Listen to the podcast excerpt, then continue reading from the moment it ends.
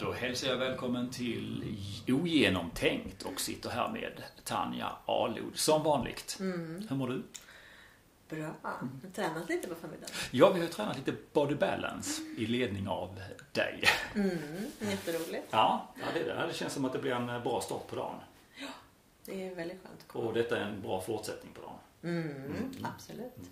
Och du heter Niklas Agnes med. Så är det, precis. Just det. Just det. Mm. Jag tycker vi börjar idag med vår premiss. Jag skulle faktiskt eh, föreslå det. Mm. Så vi syftar ju på att samtalet inte är eh, klart. Och inte eh, lite den här processen fram till att man kanske formulerar en, en tanke, en åsikt. Mm. Att det är en ganska fri och inte så värderande. Mm. Eh, så därför så står vi heller inte för det som sägs. Nej, nej, less. precis. För att det, Eh. det kan ju komma fram fler saker som, som belyser ett ämne på ett annat sätt. Ja, nej, Och det tycker jag är väldigt spännande. ja. Och det här, man kan väl också säga att det är ju Det här är ju som ett litet, litet eh, som en liten tårtbit ur, ur tiden. Liksom. Mm. Det här är vad vi ser nu. Mm. Ja, Och imorgon precis. så kanske vi har influerats av någonting annat och har flyttat liksom vår tankebana lite mer åt det hållet. Ja, men precis. precis ja. Mm. Jag eh, berättade någonting för dig innan som handlar om en liten överraskning här. Mm. Eh, och någonting som jag har velat eh, göra under lång tid men inte kunnat göra och så för det har inte till har inte funnits möjlighet till det. Men jag fick efter förra podden så fick jag en mail från Anchor där vi har den här podden och spelar in den här podden. Eh, och det är då Spotify som har köpt upp Anchor. Och de har då lagt in en extra funktion av att man ska kunna spela musik under poddprogrammet. Så det tänkte jag ta och försöka lära mig här nu då. Eh, Men det finns inga hundraprocentiga garantier utan det kommer vara så här att jag kommer att stänga av eh, eh, podden ja, när ett ämne är slut och sådär. eh, Bara för att få flera filer och då kan jag lägga musiken mellan varje fil. För att göra det enkelt för mig själv. Så är det så att det inte dyker upp någon musik, ja, då har jag ju misslyckats. Men då kommer det vara en paus på några sekunder där, så att man inte stänger av eller tror att vi har lämnat bara rakt av sådär. Så att det, det känns lite eh, spännande lite, lite, lite lyft. Ja, och jag hoppas att det funkar för då tänker jag att då skulle det vara kul att ha lite mer musikprogram och sådär också. Se vad, vad du gillar för musik eller var du kommer ifrån. Och jag har ju, tror jag, påverkas väldigt mycket av eh, det gamla programmet Nygammalt med Bosse Larsson från 70-talet. Ja. För de hade ju en mängd med olika musikstilar och instrument där och jag älskade det programmet. Jag tror det har präglat min, mitt musikintresse, kulturintresse. Ja. Väldigt blir det en mycket. bra mix då när jag slänger in ganska mycket britpop. Det vet jag inte ens vad det är för någonting. Mycket musik från 90-talet. The Blur och... Okej, ja, det- på 90-talet jobbade jag ju på Operan så jag lyssnade inte på någonting Ja, överhuvudtaget. ja, men då, blir, då fångar vi ju det. Ja, men precis. Kompletterar vi varandra rätt bra tror jag. Mm. Ja. Jag tycker överhuvudtaget att det är roligt. Jag tror just tonårstiden formar oss så mycket med rent kulturellt. Precis. Precis. Jag backar gärna tillbaks och jag har faktiskt, faktiskt när det gäller musik så har jag gått tillbaks till att sätta på, även om det då är Spotify, så sätter jag ändå på en skiva. Mm. Ehm, så att jag går till en, en artist som jag gillar och Mm. väljer ut en. en där, Åh, den här skivan ska jag lyssna på. Så nu sätter jag den på, på play utan att eh, sh- shuffle, utan att eh, blanda Ja, låtarna. Utan mm, att det kommer en ordning. Ja, precis. Ja, så att jag precis. tilltalas lite mer av det. Ja. Backa lite. Jo, men jag är ju sån också. Jag hade ju en utrensning för många år sedan med, med alla mina LP-skivor och sådär. Och jag gjorde mig av med ganska mycket. Det jag inte gjorde mig av med, det var liksom, jag valde verkligen ut specifikt vilket jag skulle ha kvar. Men de från tonåren, de, de är kvar fortfarande. Ja. Så vid något tillfälle ska jag köpa mig en Jag LP-spelare. har faktiskt nästan tänkt tvärtom. Att, att eh, kanske börja köpa mer, mer fysisk musik. Med eh, LP-skivor eller någonting som Mm, mm. faktiskt ger ut. Och, Ja, och i dagarna fick jag veta här nu också att eh, ABBA ska komma igång igen här. ja, jag lyssnade på en av deras låtar igår. Ja, jag också Ja. faktiskt. Det kändes igen. Ja, det kändes, Stilen jag var där. faktiskt förvånad över hur, hur, hur mycket ABBA det kändes. Och också Ja. tyckte jag att det var lite imponerande att rösterna lät så bra på, Ja, på tjejerna. ja, ja men precis. precis. Kvinnorna. Var det något mer du reagerade på? För det var en sak till som jag reagerade på nämligen. På, på ABBA. Jag vill ta den låten. Eh, Vad den nu heter, ja, kommer jag inte ihåg. Ja, ingenting. Vad tänker du då? Nej, basen. Okej. Det var lite slapbas över det hela. Det lät lite, Ah, lite okej. 80 lät det. Ja, det gjorde det. Äh, Mm. så att, att, hade nog inte kunnat sätta fingret på det så specifikt. Nej, Nej det, var det, jag- det, det var så det var, så påtagligt. Jag kände liksom inte igen Mm. den biten riktigt sådär. Eller jag från 80-talet absolut. Men, men eh, ja, nej men det blir spännande att se den fortsättningen där. Mm. Vi prata om idag? Ja, idag ska jag fortsätta med, med, med det här med mindset och kultur. Mm. För det hade jag inte tänkt eh, först men jag råkade se en intervju på nätet med Helena Edlund som är präst och militär. Eh, och hon hade då varit nere i Afghanistan och studerat kulturen där under tiden hon hade varit inom, inom, inom det militära och så. Och det jag fick höra, det, det, jag tappade verkligen hakan. Jag har hört mycket om liksom, vad som försiggår och, och kvinnoförtryck och hela den biten. Eller vad vi tycker är kvinnoförtryck ute med de Mm. västerländska ögonen. Men att det var så allvarligt som hon berättade om, det, det hade jag knappt kunnat föreställa mig om. Eh, Och det var vad hon sa också, för hon, innan hon åkte ner så läste hon in sig på just den kulturen, trodde hon då. då. Mm. Eh, och så så att jag, jag har skrivit ner lite grann från den här intervjun. Eh, och det är då Grunden för det ser jag då som ett mindset om hur vi fungerar, vilka eh, förutfattade meningar vi har, vilket regelverk vi har inombords. Eh, så jag fortsätter helt, eh, så, så lyssna på, gärna på, på förra avsnittet i så fall. Om just där jag går från mindset till kultur och till kultur och då här använder jag mig av den romska kulturen för att visa på skillnaderna i våra mindset och Mm. jag tycker jag är, det är väldigt tydligt där. Men jag tänker jag, jag fortsätter lite grann. Mm. Eh, ja, för där gav jag dig en liten läxa också. Ja, I och med att du har eh, jobbat... Intresserat mig Du är för den geo- geopolitiska taleskvinnan här i Aha. Ogenomtänkt. Experten. Men jag har blivit jätteintresserad av det faktiskt. Ja, men alltså när du nämnde det på det sättet som du gjorde så, så blev det också. För att, Mm. för att om man bara tittar på, på Afghanistan och omkringande länder och hur det ser ut rent geografiskt så, så blir det ju väldigt spännande. Så jag tänkte att Ska vi Du- börja med det? Eller vill du börja? Eh, nej, jag tror att vi kanske inte spelar någon stor roll. Nej, jag kör igång lite grann. Mm, så kanske vi kommer till någon punkt där det känns lägligt. Och så. Ja. Vi eh, improviserar. Ja. Vi kör Vi är ogenomtänkt. ogenomtänkta. Ja. ja, men precis. Eh, och då kan man, ja, bara, alltså om vi bara nämner kvinnor och flickor har absolut inget värde mer än som handelsvara. En fru kostar ungefär lika mycket som en dotter.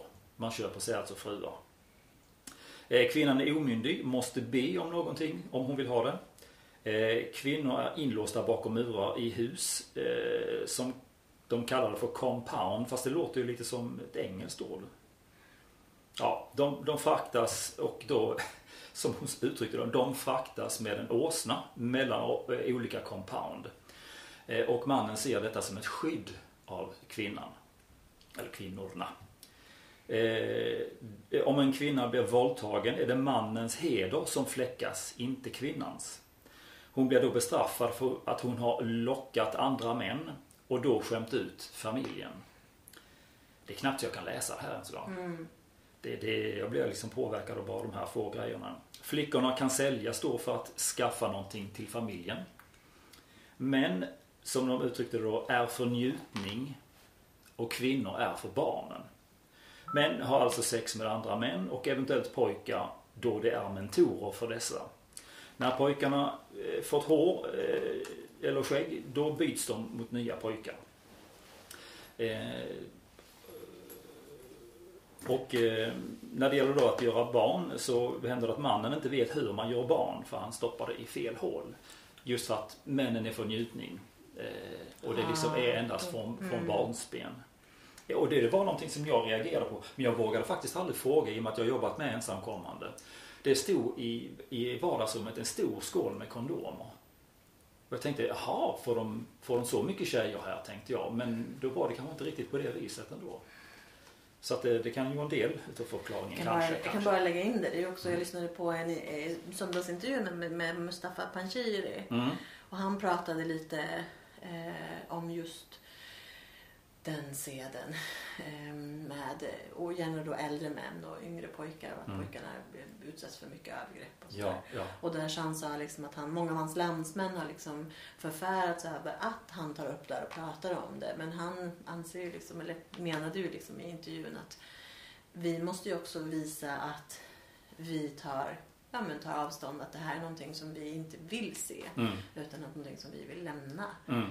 Ehm, så att, ja, erkännande liksom av problematiken. För han Ja. sa liksom just det att när man har haft, och det är ju någonting som har förekommit i Sverige med flyktingvågen, att du har Eh, du har en situation där en, en, man har blivit våldtagen av flera män eh, och både offer och förövare är afghaner. Och då Mm. blir det ju ja, det blir svårt att prata om någonting annat. Mm. Ja, men precis. precis. Mm. Eh, kvinnorna berättar aldrig för mannen att hon är med barn. Han lär ju se det förr eller senare i alla fall. Eh, och sen så fick hon möta en kvinna som var dömd till fängelse i tio år för att hon försökte rymma från sin man, sin familj. Eh, och detta är då också det vanligaste brottet i Afghanistan. Att man rymmer från sin man. Ja, det är det. Och då blir dömd för tio år. Hon skulle snart, den här kvinnan skulle då snart sl- släppas och Helena hade sagt då, ja men vad skönt att, få komma hem igen och så. Och då hade hon, den här kvinnan tittat stint på henne och väldigt anklagande på henne. Ja, det kan jag förstå. Ja, eh, för att då, då hade då eh, en fångväktare förklarat för henne att, att eh, hon väntar på döden när hon kommer hem. Alltså man dödar kvinnorna som har försökt rymma för det är fortfarande en skamfläck så att säga. Ja, ja, jag, men jag tänker bara, var ska hon ta vägen? Ja, ska nej. hon tillbaka till sin man? Ja, Eller ska hon hem till sin familj? precis. Eller precis. föräldrar? Det är ju, Så. inget av det låter ju särskilt sannolikt. Nej, liksom. nej, Så att det, är ju, precis. det är ju dystert. Du har tio års eh, som väntan och sen Ja, avrättning. de sista tio åren var bättre än de andra dessutom. Ja. Eh, Och hon, Helena fick det bekräftat att den här kvinnan hade blivit dödad sen också. Eh, och ja, just det. de- Man menade på då att det är bättre i fängelset än hemma. Eh, och sen så att ta emot hjälp i förhållande till eh, in, inramade, de reg, det regelverk som man har eller traditioner eller den kultur man har där nere. Agronomer hade då försökt hjälpa bönderna med sådden och berättade för, eh, för bönderna hur de kunde så, alltså det var ju väldigt fattiga områden och barn dog av svält. Ehm, och då, då hade de sagt att ja, men istället för att ha vete där hela tiden så kan du ha vete där borta och låta det ligga i träda. Eh, och så. Men det gick inte för sig för att man hade i flera, flera generationer odlat vete på ett och samma ställe och då ska man fortsätta med det också. Eller att det helt plötsligt inte finns vatten i en by till exempel. Ja, men det finns vatten ett par kilometer ifrån. Ni kan flytta byn. Nej, här har byn alltid legat. Och vilket resulterade i att, att barnen dog. Men då resonerar man som så att ja, men vi kan skaffa fler barn. Eh, så att den, det kom liksom inte till, till hjälp med, med Alltså det, det sitter så i ryggmärgen det här med liksom vad man ska göra och inte göra. Ja, sen så, jag just nu håller jag på att läsa eh, Dan Korns bok eh, Som om Gud fanns. Så han pratar ju mycket om, om, om klansamhället och den sekulära världen. Han menar ju att den sekulära världen lever som om Gud fanns. Mm. Ehm, superintressant bok. Men han pratar just om just det här när man från väst åker till olika områden och ska lära Ja. eh, befolkningen där hur man gör. Mm. Där han sa liksom just att för det första så kanske de inte har ett intresse av det som man försöker lära dem. Mm. Och för det andra så är det ju också en risk för dem. Mm. Om de säger att eh, ja, men du ska odla, istället för att odla vetet där varje år så ska ni liksom flytta runt det. Mm. Då är det ju en risk för dem att det kanske inte blir någon skörd alls. För att de vet inte. De har Nej, inte testat nej, liksom det. Utan då måste ju de göra en chansning Mm. när de... Eh, och ska man då lita på de här utbörlingarna som inte ingår i liksom deras klan Mm. eller deras Mm. stam utan det är någon som man inte har något förtroende för Ja. kanske. Ja. Eh, och då verkligen inte får någon skörd alls. Mm. Mot att du kanske får en något sämre skörd. Mm. Men du, du vet du har lite, lite mer, du vet lite mer vad du får. Mm. Ja, men precis. Precis. Ja, så kan det absolut vara ju. Ja, precis. Ja... Eh...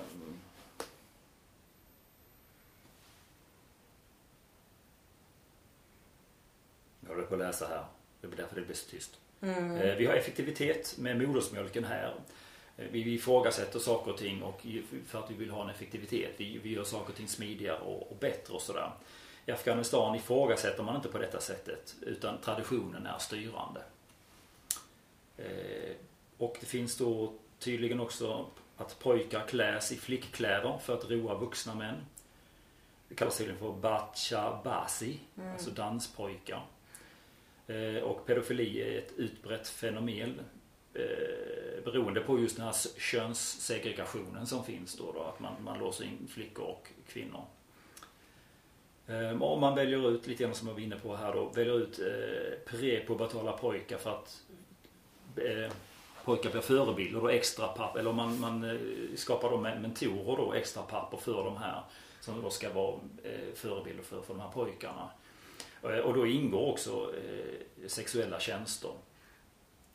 Och de som då, som jag uttrycker då på västerländskt sätt, har blivit drabbade av det här då, då det är upp till 87% av pojkarna tydligen. Och det är ju en hiskelig summa. Eh, eh, och efter fredagsbönen så springer pojkarna och eh, gömmer sig uppe i bergen för att slippa bli utsatta för, för det här. Då, då. För efter fredagsbönen så är det alltid någon form av fest. Det är ingenting jag känner till så men det kanske är så inom muslimska länderna. Mm. Um, man har annan syn på livet och våld uh, och vad som är styrka och vad som är svaghet. Uh, många har uh, opiumskador och för att barnen, de här spädbarnen ska vara lugna så blåser man opiumrök på dem. Alltså man tänder och blossar själv och blåser det i ansiktet på dem för att de ska bli lugna. Och barn som skriker de tar man inte upp. För att de, när de skriker och de inte får någon respons på det så kommer de att sluta att skrika för att det tar väldigt mycket energi att skrika. Och därmed så slutar de skrika helt, helt och hållet för man inte just ger dem uppmärksamhet. Mm, apatiska. Ja men precis. Mm. precis. Eh, barnen är eh, pappans tillhörighet. Eh, det finns en våldstrappa som man har där. Mannen slår fru, barn och djur. Fru slår barn och djur och barn slår djur. Det är tydligen en, en våldstrappa som finns där. Eh, och man, hon berättade också om att eh, militärerna, för de, de, eh, fotboll är ju gångbart i alla länder. Det finns alltid något att sparka på. Så istället för att de skulle sparka på en petflaska så gav militärerna dem en boll. Den som först tog emot bollen blev sedan misshandlad av andra äldre killar. Så att det gick liksom inte att ge, ge på det sättet heller. Även om det var en vänlig gest eller med, med omsorg så, så funkar inte det. Eh, har jag skrivit religiös kläddräkt, symbol och betydelse. Ja, det vet jag. Skulle jag nog ha skrivit mer om det, det vet jag inte riktigt vad det är så. Ja, nej men det är väl lite, lite grann det där som hon då pratade om eh, och som, ja, nog trodde jag att det var illa men så illa kunde jag inte riktigt gissa att det var. Nej, så, och sen så är väl frågan om hur, hur man går lite på, på andra bitar så kan man ju säga att det är ju det är uppemot 38 miljoner människor i Afghanistan. Mm. Eh, och det finns ju ett antal folkgrupper. Eh, pashtuner är ju en grupp. Och där, där är det är därifrån talibanerna härstammar som jag förstår. Eh, Hazarer har man ju pratat en hel del mm. om och så finns det ju liksom lite andra grupper också. Eh, så att jag kan, det kan säkert, jag föreställer mig att det kan säkert skilja lite också på mm. Mm. Eh, liksom, mellan olika grupper och sen såklart lite mer landsbygd och mm. med städer. Städerna, ja precis. Ja för det nämnde hon lite grann om också just att man att många vill ju ha en skillnad. Mm. Eh, men traditionen bjuder ju liksom någon annan, något annat. Så att det är ju långt till förändring och nu är det väl ännu längre till förändring då med, med talibanstyret och mm. Eh, de här, här regelverket inom islam. Mm. Vad heter det? Sharia. Sharia, ja just det. Mm, just det. Mm. Nej, men jag, tycker, jag tänker ju på just det jag har läst nu i Dan Korns bok där han beskriver. För det här är ju liksom en, en föreställning som vi har i väst. att det sekulariserade är det normala. Mm. Att det normala är att vara lojal till liksom landet, inte till... Man behöver inte vara lojal till släkten. Eh, så det är ju väldigt främmande. Mm. Eh, med, med, och när man pratar om korruption och, och så vidare så, så har man kanske lite svårt att eh, alltså, alltså så här, ta till sig liksom, i omfattningen som det skulle ske. Men han menar ju att det, det naturliga är ju snarare att, att det närmsta liksom, de, den, alltså, bara, bara rent evolutionärt som man säger, så är ju människan en ganska eh, tafatt varelse. Mm. Som inte klarar sig särskilt bra. Mm. Mm. Eh, men i grupp så Mm. klarar sig människan bra. Mm. Och därför blir också gruppen viktig. Mm. Och då är ju rimligtvis familjen och stammen eh, väldigt viktig. Och Mm. också så pass att kollektivet är viktigare än individen. Mm. Eh, och den tror jag man kan, vi kan ha liksom svårt att förhålla oss till. Mm. Att individen är inte av vikt alls. In, alltså det, det spelar ingen roll vem nu individen skulle bli kär i. Att det, det är oviktigt. Mm.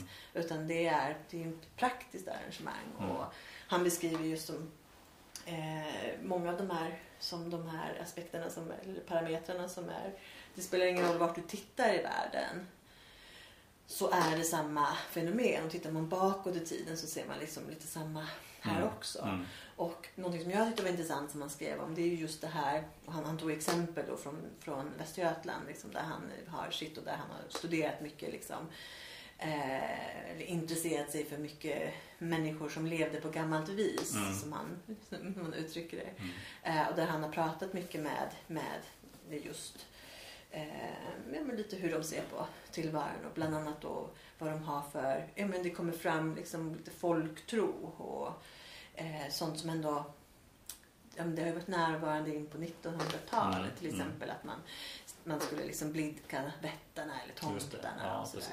Ehm, och man, man drar parallellen till att de här andarna, att det handlar lite om, lite om ens förfäder. Att man, att man tar hand om sina förfäder. Mm. Och för att blidka sina förfäder så behöver man även ta hand om sina kusiner och sina andra släktingar. För att om man inte tar hand, eller om man liksom på något sätt förargar eller eh, inte- ja, inte sköter sina, sin släkt. Mm.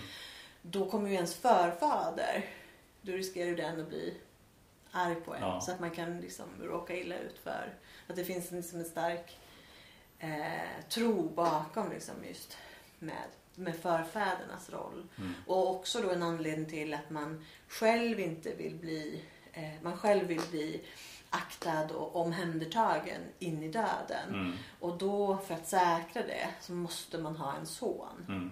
För att dottern kommer ju giftas in i en annan familj. Mm. Och när de gifts in i, och också därför de inte har något värde på Mm. det sättet. Mm. För att de kommer ju lämna familjen Mm. Och flyttas över till en annan. Och det är väl det som också just det här när man gifter sig inom, som man har kusingiften och sådär. För Mm. då behåller man ju Mm. eh, då behåller man ju rikedomarna och man behåller eh, ägor och så vidare. För Mm. de försvinner, om de nu skulle säga att döttrarna skulle ärva någonting så behåller man liksom he- hela inom släkten och Ja, ätten. ja. Det låter som en bra förklaring. Ja, och som man, läste, lyssnade också på Kvartal hade läst in en, en artikel den som hette Därför är väst bäst. Mm. Och de, de refererade till någon bok där man, eh, jag kommer inte ihåg men man kan ju som sagt lyssna på den. Eh, men, men där använder de ett begrepp som de sa om då västvärlden där de beskrev dem som weird. Det vill säga eh, western, economic, industrial, rich democracies. Så de var det ju. Mm. Men där de sa att västländerna är inte en norm utan västländerna är weird. Mm. De är udda. Mm. Det, är inte, det är inte det naturliga sättet för människan att bete sig utan det naturliga är att leva i en stam och Mm. i stammen så är kollektivet Mm. det viktiga Mm. eh, och inte, inte de andra. Mm. Ja, jo, men jag, jag kan eh, tänka just det här med att man tar hand om varandra på ett annat sätt än vad vi gör här i västvärlden. Och det kan jag ju tycka är lite vackert och sådär. Jag har pratat lite grann med min, min eh, kollega som är från Etiopien. Och det är väldigt intressant att prata med honom just om, om de här kulturella skillnaderna. Han berättar ju när han kommer hit, eller när han kom hit på, eh, ja, 91 var det, eh, just också att, ja, hans fru hade frågat honom, ja, har du käkat nu idag då? då? Nej, han hade inte fått i sig någon mat. För han hade, inte, han hade inte kunnat dela sin mat med någon annan. För där nere där delar de mat med varandra. Man käkar aldrig ensam. Och i och med att han var ensam, ja då blev det ingen mat. Mm. Så att, eh, jag tycker väl att det, är en vacker tanke. Men det, är Det finns ju två sidor av myntet. Ja, men precis. precis. Mm. Men just att det var så, det var också i hans mindset, eller i deras kulturs mindset. Just att så här gör man. Eh, Och när han kom hit här som ny så, så hade han liksom inte anammat vårt sätt att göra det på. Och de säger ju, hans släktingar när han kommer ner till, till Etiopien så säger de ju att han har blivit väldigt svensk och han känner ju det också liksom att han har anammat så mycket av Sverige.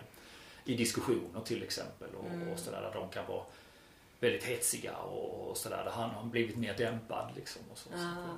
så det, ja, det är intressant att prata med honom. Ja, ja, absolut. Det- Hur man, för det är ju det att man påverkas ju Ja, av den miljön man är ja men precis. Nej men det Precis är ju jättespännande. Vi- Det Mm. hände ju att, man, att det kom upp när jag var i Australien. Just det här, lite problematiken för ursprungsbefolkningen, aboriginerna, som är få. Jag blev ju förvånad över hur få det är. Det är som Australien, det är ju 20 miljoner. Ja, Ba- Bara jämför det då. Om man, pratar, backar tillbaka lite med, med geografin bakom. Mm, mm. Eh, så är ju Afghanistan är i storleksordning ett och ett halvt Sverige.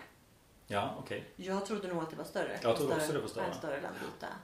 Så 38 miljoner på ett och ett Ja. halvt Sverige Mm. är ju hyfsat befolkat. Ja, ja. Och jämför med Australien då som är gigantiskt som Ja. då är ungefär 20 miljoner. Och aboriginerna utgör som cirka en och en halv procent av det. Det är inte många. Nej. Men problematiken där, för där har man ju den här stam stamtillhörigheten. Och om du då är, om det är en person i din stam eller i din släkt som har framgångar, då ska de framgångarna delas med resten. Mm, Och det gör ju att man tappar motivatorn mm, till att om du kämpar för att liksom få bättre så får du får aldrig det. nej. För det kommer ändå alltid delas ut. Och, och Mm. i det här, just för att kollektivet är viktigare Mm. än, än dig som individ. Och vi gör ju istället så att eh, jag menar, här plockar vi ju istället en del av din lön och så fördelar vi det över hela folket. Mm, Eh, så därför har vi liksom kunnat ta bort då betydelsen av stammen eller, eller släkten. Liksom. mm, mm.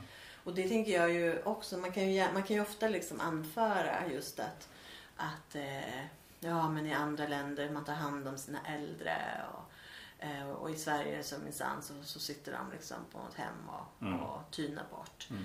Men det finns ju också någonting i att för det första liksom för den yngre generationen att inte eh, vara som låst till att vårda. Menar, många gånger så betyder ju det att kvinnan i relationen inte har möjlighet att arbeta eller lämna hemmet för att hon måste ta hand om hemmet, barnen och den äldre generationen. Mm, mm, Vilket är ju ganska då betungande. mm. Eh, men det är ju också en aspekt i att inte vara beroende av sina barn. Och att Mm. kanske inte behöva ha sina barn som vårdare. Jag kan ju tycka att det är...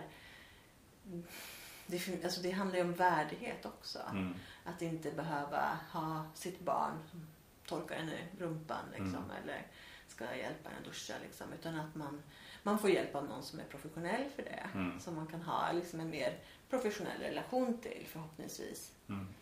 Ehm, Så det finns ju liksom... Och och när man då är i sitt möte med sitt barn så kan man istället få försöka behålla någonting av det, liksom, Mm. naturliga relationen. Jag tänker att det, det finns väldigt många olika åsikter om det. För jag, Mm. jag kommer ihåg eh, ett radioprogram som jag lyssnade på för många år sedan. Eh, om just en son som tog hand om sin pappa och torkade rumpan och hela kittet liksom. Eh, och pappan hade sagt det liksom att ja, du, du är bättre än personalen, hade han sagt då. Och de hade en väldigt fin relation Mm, och sådär. Så mm. det, det är nog väldigt olika hur man vill se på det. Han var väldigt glad över att han hade tagit hand om sin pappa och så. Så att det, det, ja, det är lite olika. Ja, jag menar möjligheten eh, behöver man ju inte ta bort. Nej, Att, eh, sen så är det ju såklart med hur, hur man kontrollerar det. Där Mm. har vi ju liksom Mm. frågor i Ja, Sverige. nej men där var det väl så just att jo, i och med att han sa det att han var bättre än personalen då var Så han inte där så ofta ju. Nej, så, att, han eh, hade... så han var ju inte uppbunden till sin pappa att behöva göra det heller. ju. Mm. Så, ja, nu var det länge sedan jag hörde det så jag vet inte hur hans situation var. Men, men ja, men då hade han ju personal också. Så att, Mm. så.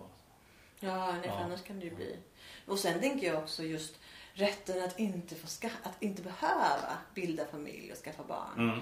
För att, för det är ju också, Ja, men precis. För du, precis. du kommer att få stöd och hjälp ändå Ja. av samhället. Ja, precis. För det är ju också en sån sak som man pratar liksom just om med klanerna. Eh, och, och så här att, ja men om du, om, som, eller som han beskrev dem, det är grupperingen av dankorn. Men, men just att om ni inte får barn, eh, då blir ju det, då blir ju det ett problem. Mm. Och då menar han att, i, ja, det kan ju inte vara alla liksom, områden då, men att och lite krasst kan väl vara då att i vissa, i vissa kulturer så måste man väl då göra sig av med den här infertila kvinnan. Mm. Eh, för att du måste ju skaffa barn Mm. som man. Mm. Och då blir det ju besvärligt liksom. Mm. Sen- Jag, jag fick, Bara för en liten tid sedan så fick jag ju utskällning för att jag inte hade skaffat barn.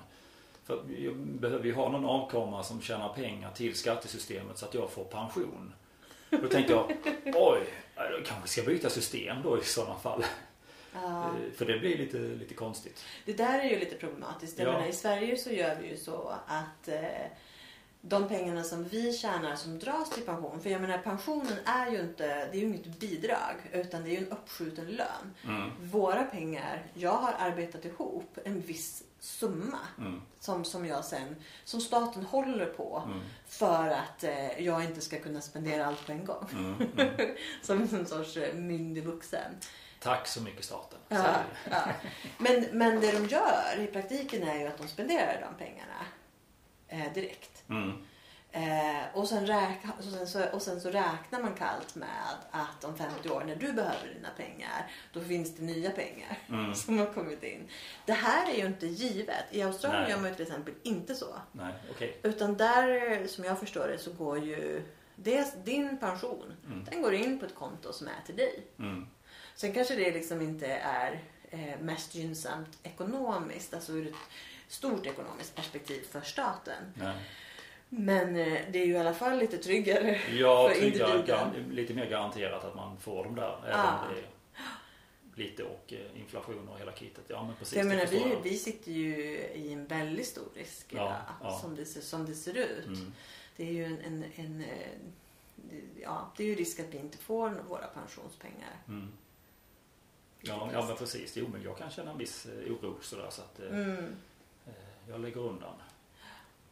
Ja, ja. Jag kan också känna att man behöver investera inte liksom bara finansiellt utan även i kroppen och sådär också. Ja, men precis. precis. För Ja, det man- är ett stort exempel för mig att se ja, dels så hur mina föräldrar ser ut eller hur andra äldre ser ut. Och, och vad, alltså jag är ju allmän tablettmotståndare. Nej, det är jag inte. Man måste ta tabletter en tid men sen ska man helst bli av med det också. Mm. Men jag ser ju inom omsorgen där de som tar en näve tabletter liksom till frukost och det, det känner jag att ja, men där vill jag faktiskt inte hamna. Nej. Så att eh, jag jobbar ju ja, på sömnen som vi har pratat om och jag Ah. jobbar med maten liksom för att eh, ja, försöka optimera det på något vis. Och motionera. Mm. Jag har ju Mm. varit dålig på det de sista åren så, men det är otroligt skönt nu att komma igång med det känner jag. Mm. Eh, och jag har ju haft lite dåliga knän också sista åren och så. Och bara, eh, jag får säga att jag har kanske tränat regelbundet och balanserat under de sista två, tre veckorna här och det har faktiskt hjälpt mina knän. Mm. Mm. Eh, Annars så stolpar jag ju fram som en gammal gubbe och sådär. Jag tycker att nah, det är lite för tidigt. Mm. Det, det, Mm. Gubbe vill jag gärna bli men, men eh, inte riktigt än.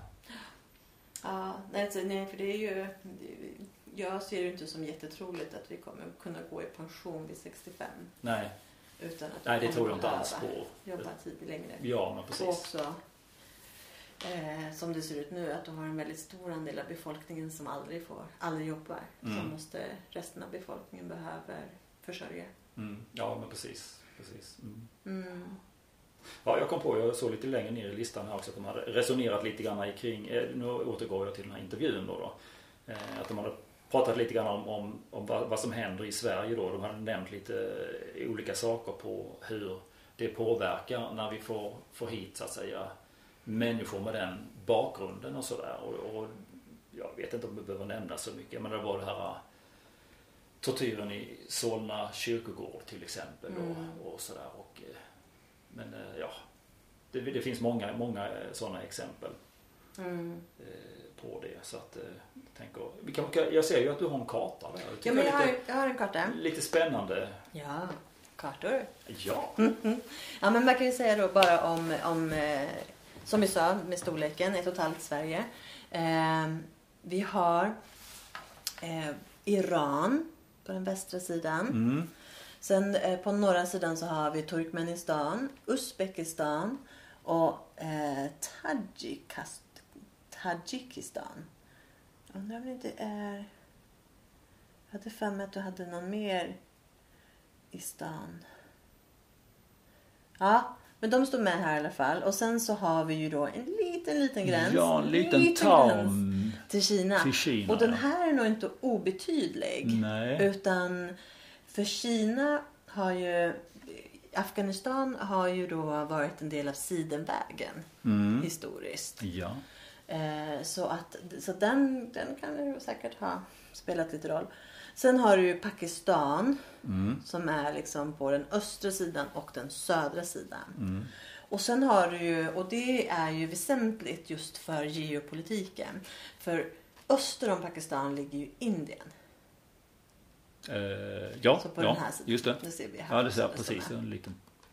Eh, och grejen med Pakistan och Indien är ju att de är lite katt och hund. Ja, Eh, så mycket konflikter där. det sa Gandhi om sig själv att han, det var hans största sorg att han inte lyckades få ihop Indien och Pakistan. Mhm. Han såg det som sitt misslyckande. Ja. Så han tyckte han var totalt misslyckad eftersom han inte fick ihop dem. Men, han lyckades med ganska mycket annat. Så att, eh, Ja. lite Men kräft. jag tänker mig också att det, det, det är ganska stora kulturella skillnader där. Ja, också, ja. Också rent geopolitiskt liksom, hur det ser ut. Mm. Med, de olika. Men hur som helst så Afghanistan tjänar ju lite som buffertzon. Så att om det blir om Pakistan och Indien får en, en öppen konflikt så kan ju Pakistan ut, vill ju de kunna utnyttja Afghanistan som liksom reträtt och att kunna få som vapen och, och eh, mat och allt möjligt. Plus att de då kan dra sig tillbaka så gör ju det också att det försvårar för Indien. Mm. Så att Pakistan och Indien vill ju liksom båda, jag läste i, i, i en bok där de, där de beskrev det just som att man vill att den andra ska vara eh, fiende till Afghanistan. Så att man lobbar för att, ja, Indien lobbar för att Pakistan och Afghanistan ska vara lite osams och Mm. tvärtom. Mm. För just för att eh, eh, minimera det. Sen så består ju själva Afghanistan. Dels har du lite träskmark i söder. Eh, och annars är det väl väldigt mycket svårbestigna berg. Ja, för det är lite Så det jag tänkte att jag var lite nyfiken på. Jag hade behövt en, en terrängkarta här Ja, istället. jag kikade försökte faktiskt hitta någonting. Men jag var lite, det är ju lite svårt hur man ska sitta. Ja. Mm. Men du har ju här Hindu Kush. Här har du en stor bergskedja som är utskriven. Och sen har du lite andra också bergskedjor. Då kan vi beskriva det som nordöstra delen. Ja, den möter liksom, jag tror att den möter Himalaya här, här någonstans Ja, upp till. upp mot Tadzjikistan. Mm. Mm, och mot Kina precis. Och, Ja, men precis. Japp. Ja. Eh, nej, för jag fick höra det att eh, det är många eh, härförare som har försökt ta landet i besittning men inte lyckats. Från Ah. Alexander den stora och sen en massa, ja, Sovjetunionen har varit in och Kina har väl varit in också. Ja. Men ingen har lyckats. Mm. Ja, nu har ju USA också varit där så att, eh, och inte heller lyckats. eh, ja, de sa ju det, de här de det liksom- talibanerna. Med att eh, ni har klockorna men vi har tiden. Ja, Att de Ja. väntar ute. ja. Mm, nej men precis och det, det, och det har väl varit många sådana såna dragningar liksom. Mm. med- För det är ju spännande. Alltså, du lyssnade på en podd häromdagen. De pratade historia, just Afga- Afghans, Afghanistans eh, historia. Och då tog de avstamp liksom, i geopolitiken. Och det de sa som en så här. Det finns ju en ironi i att när vi pratar om eh, dagens debattörer pratar om Afghanistan och talibanerna så säger man ju liksom att ah, de är från medeltiden. Mm. Men man, men alltså att det är ju ironiskt för på medeltiden så var ju Afghanistan ganska blomstrande och, och framstående. Mm. Ehm, i, liksom, I jämförelse med stora delar av Ja. framförallt norra Europa såklart. Ja, det var ju den associationen jag gjorde när jag hörde det här programmet med, Mm. med Helena Edman. Så det, är, Edlund. det är ju snarare att de har backat tillbaka Ja, men precis. Precis. Så att, ja, det kan jag mycket väl tänka. Ja, det verkar det, Ja, alla kulturer verkar ju vara levande. Uppgång och fall. Hela romarriket, uppgång och fall. Så, så att, ja. Men just det här med alla deras olika... Eh, eller till att börja med kan jag väl säga just problematiken i att ett land inte formar sina egna gränser. Mm. Att det inte får formas på ett naturligt sätt och över tid. Till exempel att man då har, här är det en bergskedja som avgränsar eller det är en flod eller, eller eh, land, en kust liksom. Mm. Utan att, eh, som i Afghanistan, att det är många yttre aktörer som har ritat upp linjerna. Okej. Eh, och att de då kan skära genom ett område Mm. där du har en, en viss folkgrupp som, Mm. eh, som då hamnar lite splittrat på varsitt håll. Mm. Mm. Och just de här bergen som gör att människor har liksom, man har bott i, i de här lite bördiga dalarna. Men man kanske inte heller haft så mycket handel och utbyte med andra för bergen har liksom kommit, kommit i vägen. Mm. Mm. Men sen tycker jag ju att det är jättespännande just för hur, hur hamnade vi där vi är idag? Mm. Och att alla eh, det här nästan anstötliga i hur mycket bidrag och bistånd som har gått till Afghanistan och där den faktiskt väldigt krassa frågan är har det gjort någonting bättre eller har det orsakat lidande? Mm. Nej, jag tänkte bara på det eh, USAs tillbakadragande här. Och då tar talibanerna över på, var det nio dagar? Mm. Ja, mindre än två veckor i alla fall. Och då måste det ju ha varit en ofantligt dyrköpt fred. Kunde det inte göras på ett annat sätt då, tänker jag. Ja, till att börja med så har det väl aldrig varit någon fred. Nej, men en eh, chimärfred. Ja. Och, ja, men, och grunden är ju ändå, eh, vilket man väl faktiskt kanske behöver belysa lite mer och det är väl att talibanerna har ett ganska stort stöd. Mm, mm, För annars skulle de inte 60, vad var det, 60 000 talibaner kunna ta över stad efter stad efter stad. Mm. Utan eh, de har haft ett stöd från vissa delar av befolkningen. mm. Ja, och, så någon som be- beskrev också att eh, den, den regeringsstödda militären fick ju betalt tydligen då utav, nu spånar, nu vet jag inte säkert om det här är sant så att eh, ifrågasätt verkligen, eh, ni ska ifrågasätta allt vi säger för den Mm. delen. Det är mycket roligare. Ehm, att de fick betalt från USA men när USA inte sen längre betalar då går de över till talibanerna. Om det kan vara på det Ja, viset. jag har också hört att de inte fick betalt. Sen vet jag inte. Jag menar väldigt krasst är ju att eh, USA var stor för väldigt mycket pengar. Jag har för mig att jag har hört siffror som, som, eh, om, ja, som mm, en miljard dollar liksom. Eller, det var en, Mm, eller ännu mer. Men det är ju stora summor som har, Mm, en biljon dollar. mm. Ja, som har Biljon, är det nio nollor här va? Nej, vänta här. Ja, Jag tror att det kommer då... 12. ja, Det är väldans mycket. Det går ju inte att föreställa Nej, sig. Det, nej. det är ju så mycket pengar så det går ju inte att på något sätt liksom greppa det. Men just vad de har... Och i och med att det är, det är ju ett fattigt land. Alltså de, det är ju det landet i Asien som, som ses som det fattigaste och de är helt beroende av bistånd. Mm, mm. Och det är ju jättesvårt. Hur kommer man framåt? Hur Mm. går man framåt här? Mm. Ja, nej men precis. Och just också som de säger att det finns mycket korruption där. Mm.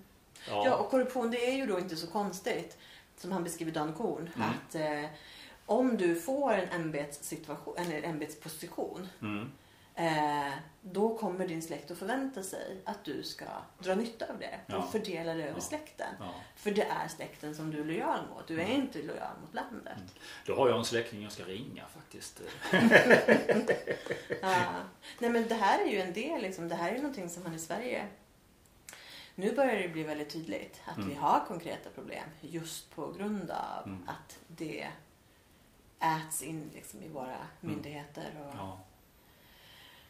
Jag menar bara, eh, det var ju ett, ett, ett eh, rättsfall i Solna där för, några, för ett antal år sedan. Mm. Men där det var, om det var en kvinna som hade anklagat sin, en man för för våld eller våldtäkt. Ehm, och där man, flera då, jag, jag, jag tror inte att den, jag vet inte om han blev friad eller hur det var, men jag kommer inte ihåg. Men det som uppmärksammades var ju just att ett par då i, i, i nämnden eh, hade konstaterat att det var, hon, hon var inte så trovärdig för att hon kom inte från en lika fin familj som mannen. Och det är ju just det här Ja, ja, ja, ja. eh, släkt, släkttänket. Och, Mm. eh, nu blev det väldigt uppmärksammat så att förhoppningsvis så är det någonting som man mer och mer i Göteborg till exempel har man ju försökt att slå till mot eller slå sönder klanerna på, Mm. på, med hjälp av liksom alla olika eh, eller flera olika myndigheter. Går det att slå sönder en klan? Det går ju att försvåra det.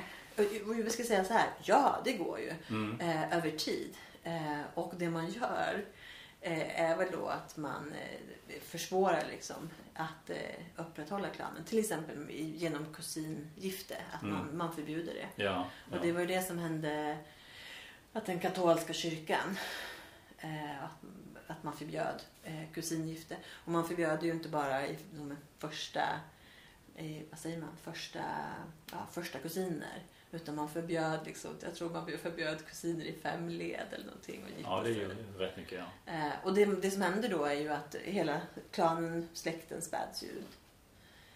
Så att du tappar, Mm. tappar Okej. styrka okej. där. Ja. Så det är, eh, och, och då, då förlorar du också, eh, och speciellt om man då har är lika arvsrätt så, så tappar man ju Mm. styrka där. Sen Mm. finns det ju flera sätt såklart. Men absolut, Mm, mm. det är ju någonting som eh, man har ju kommit ifrån det även i Sverige. Mm. Att Okej. man har haft eh, som släkt, släktnät liksom. Mm. Och, eh, Vä- Västergötland är ju ett sånt exempel där, där man har brutit ner det. Även om det är mycket som skiljer liksom, så har man ändå haft det här också. Man har ju Italien där man är fortfarande, där har man ju fortfarande eh, maffian på olika håll. Mm. Så där har man ju inte riktigt lyckats. Ehm, Mm. Men det finns många exempel Mm. på där man har brutit ner. Mm. Mm. Så det är ju absolut att det går. Mm. Men, men eh, man måste ju... Och vi pratade ju lite om det innan, men just att man måste vara tydlig med att det här är inte accepterat och vi gör inte undantag. Mm. Ja, det är en viktig bit och det var vi inne på innan eh, podden kom igång. Mm, mm. Och det, jag menar, pratar man då om mindset Mm. så är väl det någonting som jag upplever är väldigt eh, vanligt bland svenskar. Att man, man eh, antingen, alltså, även, antingen har man en regel men när någon bryter mot den så gör man ett undantag den här gången. Ja, just det. Eh, och, just sen det. blir det en, och sen blir det en, liksom, alltid att man gör undantag. Ja, precis. Eh, och om det, om det straffar någon annan eh, så tittar man lite åt annat håll. Ja. För det, eh, och den som skriker högst får kanske eh, bästa dealen. Liksom. Mm, ja, men precis. Ja, Jag har sett på det där på, på, på, eh, inom omsorgen också om hur, hur vissa i personal kanske gör eh, eh, nu tappar jag ordet här. Jag hatar när jag tappar ordet. Eh, att man gör ett undantag då. Ja. Men man, man vet inte vilken konsekvens det får för den andra personalen som sen kommer och ska utföra Ja. ett stöd eller vad det nu är för någonting. Eh, och det, då sätter man liksom personalen på pottan. Ja. Så Jo, det, det gäller att vara, vara konsekvent. Man måste vara faktiskt. konsekvent. Ja. Och jag menar, det är någonting väldigt krasst som alla föräldrar ställs inför. Mm. Och som om man då, nu är inte jag förälder själv och det är inte du heller. Nej, Eh, så vi vet hur det ska vara. Ja, precis. ja, men, men jag, jag tänker mig, jag kan förstå liksom att eh, det är jobbigt att vara konsekvent Mm. 24 timmar om dygnet, Ja. året runt. Eh, men, eh, men man vinner ju på det. Ja, men i längden. längden. Absolut. Och för deras skull också. Ja. För Inför framtiden och så. Kommer att tänka på filosofen Rousseau. Mm. Han var expert på barnuppfostran. Han hade skrivit två böcker. Mm. Eh, hade åtta barn. Ja. Alla skickade han till barnhem. Så han uppfostrade inte dem själv, men han var expert själv. Liksom. Ja. Ja. Det tyckte jag, jaha, hur tänkte du nu då? Nu har jag Ja. inte läst eh, litteraturen så jag vet inte vad som står i den. Men Nej. jag tyckte bara det var lite komiskt och inte ta hand om sina egna barn om man är expert på det. Nej, men sen, jag, tänk, Ja. jag kan tänka mig också att eh, det är ju som sagt det är teori och praktik. Mm. Eh, och de flesta kan nog vara ganska överens om... Inte, nej, det kanske de inte är. Men, men många skulle väl ändå... Även om, man, även om de håller med om att det är bra att ha tydliga ramar och att det, du ska liksom Mm. eh, eh, ja, göra det du säger. Liksom. Ja, just det. Nu när jag tänker på det så är jag ju liksom på mitt sätt expert rent teoretiskt på, på saker och ting. Men när jag hamnar, om nu säger kommunikation så tycker jag att jag är Ja, jag skulle kunna säga att jag är expert för att jag kan ganska mycket om kommunikationen. Men när jag själv hamnar i effekt Ja.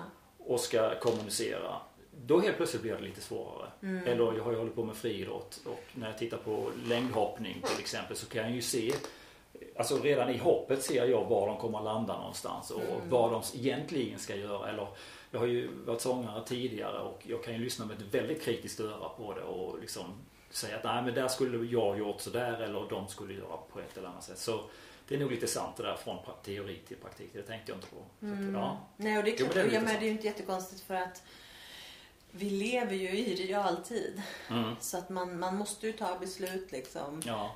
när det händer och Mm. ibland blir det liksom inte bra. Men där tror jag också att man som, som förälder och i andra situationer också faktiskt att man kan eh, ta det. Man kan ta även med ganska små barn och ta en diskussion och säga så här. Du, förut så, så sa vi så här. Mm. Eller det- det hände det här. Mm. Och jag gjorde så. Det kan ju vara att man, att man blev arg eller att man inte blev arg. Men i båda situationerna kanske man behöver sätta sig ner och säga att där, där gjorde inte jag som jag, som jag borde ha gjort. Utan Mm. jag borde ha gjort så här. Mm. Eh, och ibland kanske det behövs en ursäkt liksom. Ja. Eh, och ibland kanske det är åt andra hållet. Mm. Ja men precis. Men, Precis. eh, men jag skulle nog väldigt krasst säga att det är ju en av de bitarna som jag tycker är ganska skönt med att inte ha barn. Mm. Att man faktiskt slipper. Mm. Eh, att vara hela tiden ha vara i den här rollen där man ska uppfostra och Mm. vara konsekvent. Och, Mm. För jag tror att jag är väldigt konsekvent. Mm. Så det blir, det blir väldigt jobbigt. Mm. Det blir väldigt tröttsamt. Jag har Mm. jobbat som simlärare till exempel. Så, att, så jag har ju ändå en erfarenhet liksom från det, man, blir, man blir trött av att hela tiden vara väldigt fyrkantig. Liksom. Ja. Jag kommer ihåg när jag skulle bli eh, friidrottsledare eh, för småknattar. Och då tänkte jag liksom att, för jag visste hur lekfulla de var liksom, hur de fladdrade iväg åt olika håll och kanter och sådär. Så tänkte jag att nej men jag börjar med den hårda stilen och så kan jag liksom lösa upp det istället för att gå tvärtom. Så då sa jag liksom det, ja nu har vi samlats och då hade vi prickat av dem vilka som var där och så sa jag det, ja då tar ni tripping bort till buskarna och så skipping tillbaka. Och då eh, trippade de fint bort till buskarna och så började de viska till varandra. Ska vi kasta gräs på honom när vi kommer tillbaka? Vilket de gjorde då också så att det var ju det var helt kört. Ju. Så den här hårda linjen den, den funkade inte för min del. Inte just då i alla fall. ja, Så det var lite kul. ja, ja, Det blev- det blev bra i alla fall, Ja, men det är ju lärorikt Ja, också. det blev bra i alla fall. utvecklas ju liksom. Mm. Ja. Mhm. Ska jag gå över till liksom lite min tanke då? Ja, men då, nej, men då tänker jag att eh, då försöker jag med den här lilla pausen. Just det, lite musiksnutt. Får vi se om det lyckas eller Ja. inte. Ja, då är vi tillbaka igen. Mm. Jag hoppas att det har varit en liten musiksnutt där. Ja, ja. Mm. ja. Vad spännande och ja, nu ser inte ni då som lyssnar kartan och sådär. Men Men, plocka gärna kanske- fram en eh, karta själv och titta lite grann Jag tänker att vi kan lägga så. upp den på, på Instagram. Instagram går ju alldeles utmärkt. Ja, precis. Ja, för Ja. jag har testat det här med, med bild på, på presentationerna men det funkar inte. Nej. Inte än i alla fall. Nej, men men, då- det är jättebra med Instagram. Ja. Ja, men Mm. då säger vi det att vi har ju ett Instagramkonto och det är ju inte våran huvuduppgift men vi försöker ändå lägga ut Ja. eh, någonting från varje nytt avsnitt. Mm. Ja just det, jag såg eh, Gustav Adolf förra, Ja. eller förrförra eller ja. Ja, men precis. Eh, så att, jag kan lägga upp en karta på Afghanistan. Ja, ja Mm. gör det. Ja. Mm. Och då heter det eh, ogenomtankt.podcast. Just det. Mm. Ja, men det jag, jag, jag har lite under veckan eller under den senaste tiden tror jag funderat lite och jag tänker börja med och tänka tillbaks när jag var tonåring. Mm. För min pappa tyckte det var väldigt roligt att ha dekaler på sin bil. Och en av dekalerna som han hade Eh, Får jag gissa? ja. Det var jag som sjö- sköt J.R. Ewing. Nej. Nej, Eh, eh, eh, den var rätt populär där. det har jag aldrig sett Jo men. Dallas-serien som kom på Ja, Jag kommer ihåg Dallas, 80-talet? absolut. Ja men precis. Och, och då var det ju e- en säsong där det J.R. Ewing blev skjuten. Och då, då dök den dekalen upp som på bilarna. då. Mm. Ja, ja, ja. Ja, det var lite ja. skoj. Ja, jag tror man hade lite mer sådana dekaler för. för Ja, det var lite roligare förr. Stunden på den fronten. Ja, jag tror att man, man, man dekorerade bilen. Det var majblommor och lite allt möjligt. som Ja men precis. Så Ja. det, nu, nu så kör man ju ingenting sånt. Nej. Tärningarna i eh, backspegeln i framrutan där. Ja, och, och kanske en Wonderbaum. Ja, luktar fruktansvärt. Ja, mm. Ja, ja, ja. ja. Eh, men i varje fall så hade eh, min pappa en dekal och det stod Jag gasar tills det rasar. Mm. Och jag och min syster tyckte ju att det här var ganska roligt. Mm. Och vi tyckte dessutom att vi, funderade på ska vi inte ta fram nya dekaler? En till mamma. Mm. Eh, där det står eh, Den rasar om jag gasar. Mm. Eftersom att de körde lite långsammare. Ja, precis. Och sen så till våran bror då som hade lite någon, ja, någon gammal, om det var någon, någon sorts amerikanare. Jag kan inte, jag kommer aldrig ihåg vad det är för varken bilar eller, eller märken eller någonting. Men Nej. lite raggarstuk. Ja, Han hade- 50-tal då kan jag gissa. Ja, kanske. Jaha. Eh, jag vågar faktiskt inte Ja, jag säga. frågar inget mer. Nej, det var inte, eh, det var inget så här som tjusigt som man tänker sig eh, på lite bilparader. utan, Nej, eh, Det var lite, det var lite mer eh, bryskt kanske än så. Eh, bland annat så, bland annat så hade för, jag, för jag hade ju precis tagit körkort. Det här var ju 90, ja, 98 någonstans, 99. Mm. Eh, och eh, någon gång så skulle jag, fick jag låna bilen för att skjutsa mig och mig, eller jag köra mig och min syster någonstans. Och då lånade jag bilen och för det första satt man ju väldigt lågt. Mm. Och för det andra så, så saknades det någon sån här platta på, på bromsen eller gasen. Så det var, det var bara pinnen som stack upp. Åh. Inte jätteroligt. Nja. Och sen så bilbältena, det var ju inga rullbälten utan någon sorts man knäppte. Nej, det jag, kommer jag faktiskt ihåg. jag lyckades överhuvudtaget inte. Jag, jag behövde hjälp för att komma ur. Ja. För att knäppa loss den där. Och sen var det ju då de här granarna. Ja. Mm. Och det var, det var ju tjo, alltså, det var tjockt med granar. Ja. Och det var, de hängde ju precis överallt. Mm. Så man fick ju i princip åka med rutorna lite öppna. Då luktar man ju så själv sen också ju. Ja. det kan man nog göra. Men vi tyckte i alla fall att han skulle ha en dekal som var med. Sa de inte det till er sen när ni gick in i en butik? Så här, "Ja, där kommer familjen Wunderbaum. Ja, Liksom. nej, det var det faktiskt inte någon som sa. nej, Men okej. som sagt, det var inte så ofta vi åkte med den heller. Nej. Men vi tyckte att han skulle ha en dekal där det stod eh, eh, jag, ra- den, jag gasar och det rasar. Mm. Det var lite... Men i varje fall. Eh, jag har funderat på vänstern den senaste tiden. Det har ju varit väldigt i ropet känner jag. Och jag kan tänka mig under ganska lång tid så har jag funderat över vänstern. Och Mm. nu pratar jag väl om både Socialdemokraterna, Vänsterpartiet, Miljöpartiet, men framförallt Socialdemokraterna. Eh, jag kommer ju från en familj och bakgrund som är väldigt röd, Mm. skulle jag säga.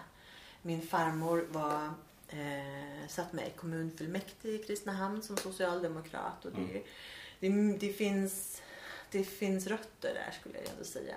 Och också om man pratar om att känna sig hemma i ett politiskt parti Mm. så är det kanske framförallt Socialdemokraterna som jag har känt mig hemma hos. Mm. Men de senaste åren, och det kanske är de senaste 15 åren, så har det känts svajigt. Mm.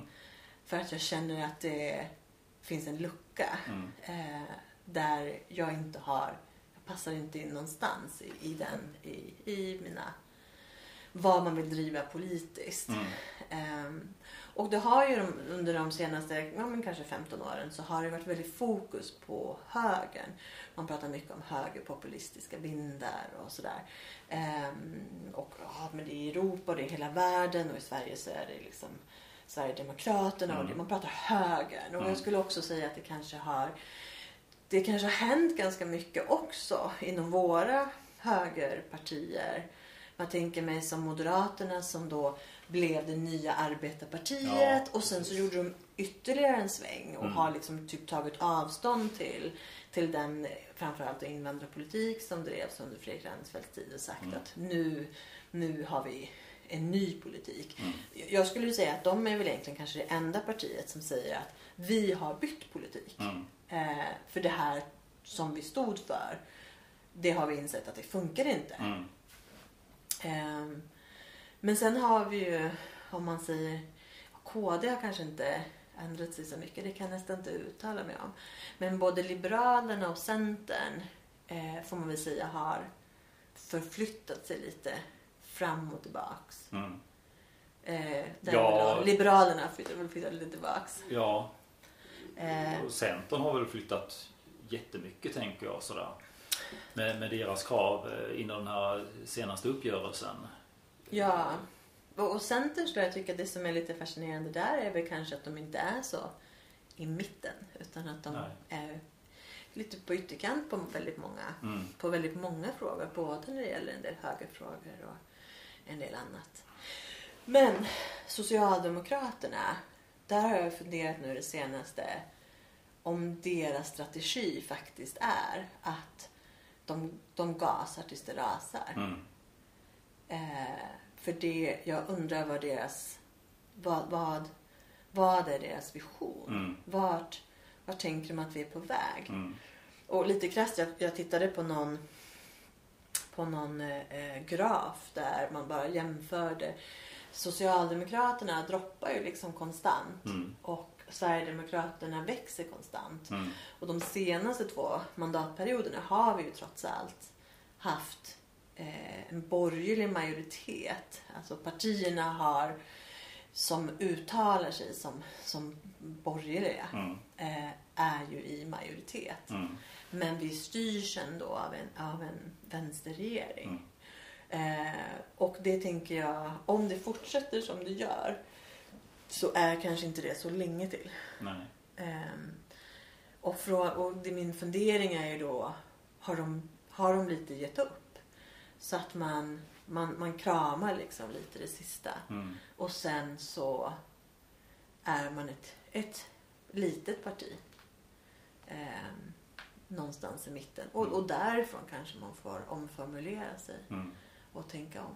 Men som sagt, det har ju varit, det har varit ganska mycket i ropet. Ganska mycket artiklar som har börjat ifrågasätta vänstern. Mm. Ifrågasätta lite hur, hur ideologin ser ut, vart de är på väg, brister. Och det tycker jag är jättespännande för jag tycker att det har varit väldigt tyst. Mm. Jag tycker inte att vänstersidan nagelfars särskilt ofta. Mm. Utan att det man fokuserar på är ju framförallt Sverigedemokraterna. Eh, Liberalerna har ju varit väldigt, skulle jag också säga, varit ganska granskade. Speciellt sen de Nyamko Sabuni tog över. Ja. Eh, och Moderaterna och Kristdemokraterna kritiseras ju nu för att de eh, för att de erkänner att för att vi ska kunna regera så måste vi göra det i någon form av Mm. Samröre med Sverigedemokraterna. Eftersom att det är så många som röstar på dem. Mm. Jag har ju funderat mycket på vad Socialdemokraterna vill. Ja, Jag, jag förstår liksom inte riktigt det som händer för jag kan Mm. inte riktigt se någon politik. De, de överger liksom miljöfrågan helt och fullt till Miljöpartiet. ja. Är, det, är det rimligt att de gör det med, till ett sånt litet parti som det Jag, egentligen på, jag, skulle hela till och med, taget? jag skulle till och med vara så brysk så att jag säger att om, om deras strategi är att vi gasar tills det rasar. Ja. Då använder de ju Miljöpartiet som en katalysator. Ja, men precis. Absolut gör de det. Precis. Ja. Och som jag säger på Miljöpartiet så, du kommer inte ihåg vad senaste förslaget var men min, min, min reaktion var liksom att de också gör det. Att nu är det ett år kvar, nu måste de sätta igång med så mycket som möjligt också. Eller få igång så mycket som möjligt eh, som kanske inte helt och fullt är, är genomtänkt. Mm. Nej, och jag tänker ju också just man pratar, man pratar så mycket om klimatkrisen. Mm. Och att jag nästan tänker att Ja, men om, det då, om man då tror, tror man själva liksom att om tio år så är det ju ändå kört. Mm. Så då, då spelar det egentligen ingen roll vad vi gör nu. Mm. Är, det, är, är det liksom en sån, vilket jag tycker låter märkligt, men, men Mm. jag, kan nästan, jag kan nästan tycka att det talar för det. Mm. Agerandet talar för att det är det man, man har inte en längre horisont än, än en tioårsperiod. Nej. Eh, och man, man har förlorat någon slags perspektiv i det hela. Jag tänker ju liksom hela tiden, jag refererar ju gärna till hur människan var för 10 000 år sedan till Mm. exempel. Men- Och nu när det gäller klimatet då tänker jag 4,6 miljarder år tillbaka. Mm. Det är inte rimligt att jorden går under på 10 år.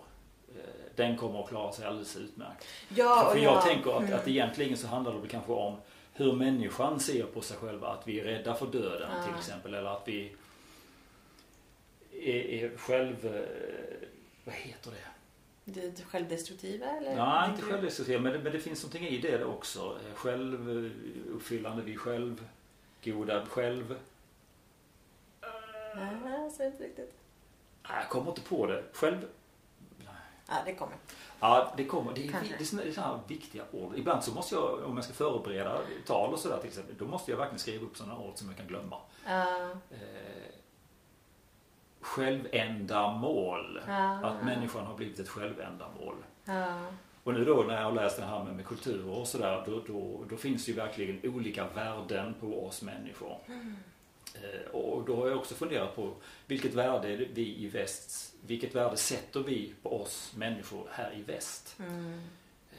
Och då, då, då, då blir det liksom som ett slags självändamål. Det där håller jag på att reda Ja, ut och skriva Det där är överhuvudtaget men, eh, väldigt spännande om man tänker. Det är också någonting som jag läste nu i Dan Korns bok. Mm. Men där han skriver att eh, när man i FNs deklaration av de mänskliga rättigheterna Mm. så, så, så påpekar han att i, i, den, i den engelska språket där, i den engelska upplagan så skriver man ju då, och nu citerar jag lite löst, men att, eh, att, att eh, människor är alike in dignity. Men att man har översatt det, både i den svenska och norska eh, översättningen, så har man översatt dignity, inte till värdighet utan till värde. Eh, och att det faktiskt är en ganska stor Ja, skillnad. det skulle jag också säga att det är. Det är väldigt stor skillnad Ja. på att vara lika i värdighet Ja, mot att vara lika värde. Ja. Och jag skulle ju också säga att mycket av den debatten som vi har idag det bottnar liksom i den här, och lite dåliga samvetet och att vi har, vi har pushat den här eh, bristen på stam så långt Mm. så att vi, vi ser inte ens svenskar eller svenska medborgare som en grupp. Utan vi säger att, och jag har ju läst sådana debattörer som säger det. Så här, varför skulle jag, varför skulle min granne vara mer värd än ett barn i Afrika eller Mm. en, person i, i, i Afghanistan? mm. Och, och, och där tänker jag, ja det kanske, det kanske borde vara lite uppenbart. Men, men jag tror just att den här, alla människor är lika värda. Mm. Att det, Det ställer till det lite grann. till alltså. det lite. Och det, jag tänker liksom definitionerna utav värde eh, och värdighet. eh, Och jag har till och med lagt till ordet betydelsefullhet vid en debatt som jag hade på Facebook för många, många år sedan. Att mm, våra, om vi tar dig och mig här nu då, vi tar, våra mammor har, är, är, har lika värde men de är olika betydelsefulla för oss. ja, Gjorde jag som en definition bara för att liksom urskilja det hela. mm, Eh, Och det ser jag liksom i alla möjliga debatter. Definitionerna utav vad vi pratar om, feminint och maskulint eller manligt och kvinnligt och hela Mm. den biten. Så ja, jag har inte kommit fram till någonting så, men... eh, Nej men det lite- stökar till det lite. Ja, och det det, det. som, det, som blir problem, det som blir problem är ju när man, när man inte accepterar att vi har ändliga resurser. Det är ju där någonstans. Det är ju inga problem att säga att alla människor är lika värda Mm. och alla ska ha liksom, liksom lika goda chanser att utvecklas. Problemet är när du ska, när du ska om, omsätta det i, i praktik. När du då säger att okej, men vi ska ta av våra insamlade skattemedel Mm. och så ska vi fördela det utanför den här gruppen som har samlat in skattemedlen. Och, och där blir det ju väldigt krasst att jo, jo, det kan vi naturligtvis göra men de kommer inte räcka. Eh, och är det rimligt? Är det rimligt att vi fördelar det på det viset? Mm. För det är ju ganska uppenbart att om vi inte då förvaltar vårt eget med sjukvård och skola och rättsväsende och så vidare. Mm. Då kommer då kommer det, det bli, göra människor mindre benägna att betala in skattemedel. Mm. Och om de skattemedlen då tryter så kan vi ju varken hjälpa andra människor med Mm. bistånd eller förvalta vårt eget. Mm. Och kan vi inte förvalta vårt eget på ett bra sätt så har vi ju liksom också mist förmågan att hjälpa andra på plats eller Mm. Här. Så det, det är ju... Ja. Mm. Nu när du beskriver det så här så tänker jag liksom att åh, samhället är en jättestor klan. Ja, ja, men det, det, vi har ju ersatt klanen med det stora samhället. Ja, precis. Men, ja, men precis. Mm. precis ja, mm. Ja, vi har vidgat det. Och vi Mm. har ju gjort istället, vi har ju flyttat lojaliteten från den lilla gruppen till Mm. en större grupp. Mm. Men det man vill göra, det, det väldigt många vill, är ju att flytta lojaliteten till det globala. ja, just det. Eh, och, och det... And you will be happy. men, men, men där någonstans tänker jag ju att, att den, man kan ju föra det resonemanget. Men man måste liksom föra, eh, okej vad, vad, vad innebär det? Mm. Hur ska man lösa det rent praktiskt? Mm. m- med det finansiella. Jag kan ju till exempel tycka att ja, men om man tar bort gränserna eh, så att alla får röra sig som de vill. Mm. Eh, Okej, men hur ska man då göra med det, som det sociala Mm. om omsorgen? Ska, för att tar man bort gränserna så kan man ju heller inte eh, avgränsa hur resurserna ska fördelas. Utan då, som jag ser det, så måste man ju då eh, ha sin egen peng och stå för sitt eget. Jag kan flytta vart jag vill, men då får jag betala från min egen kassa Mm. när jag är där. Mm.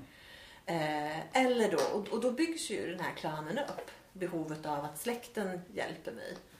Eh, så att jag har liksom jag har så svårt att se resonemanget omfattas i praktik. Mm. Sen kan jag tycka att det är vackra ord. Mm.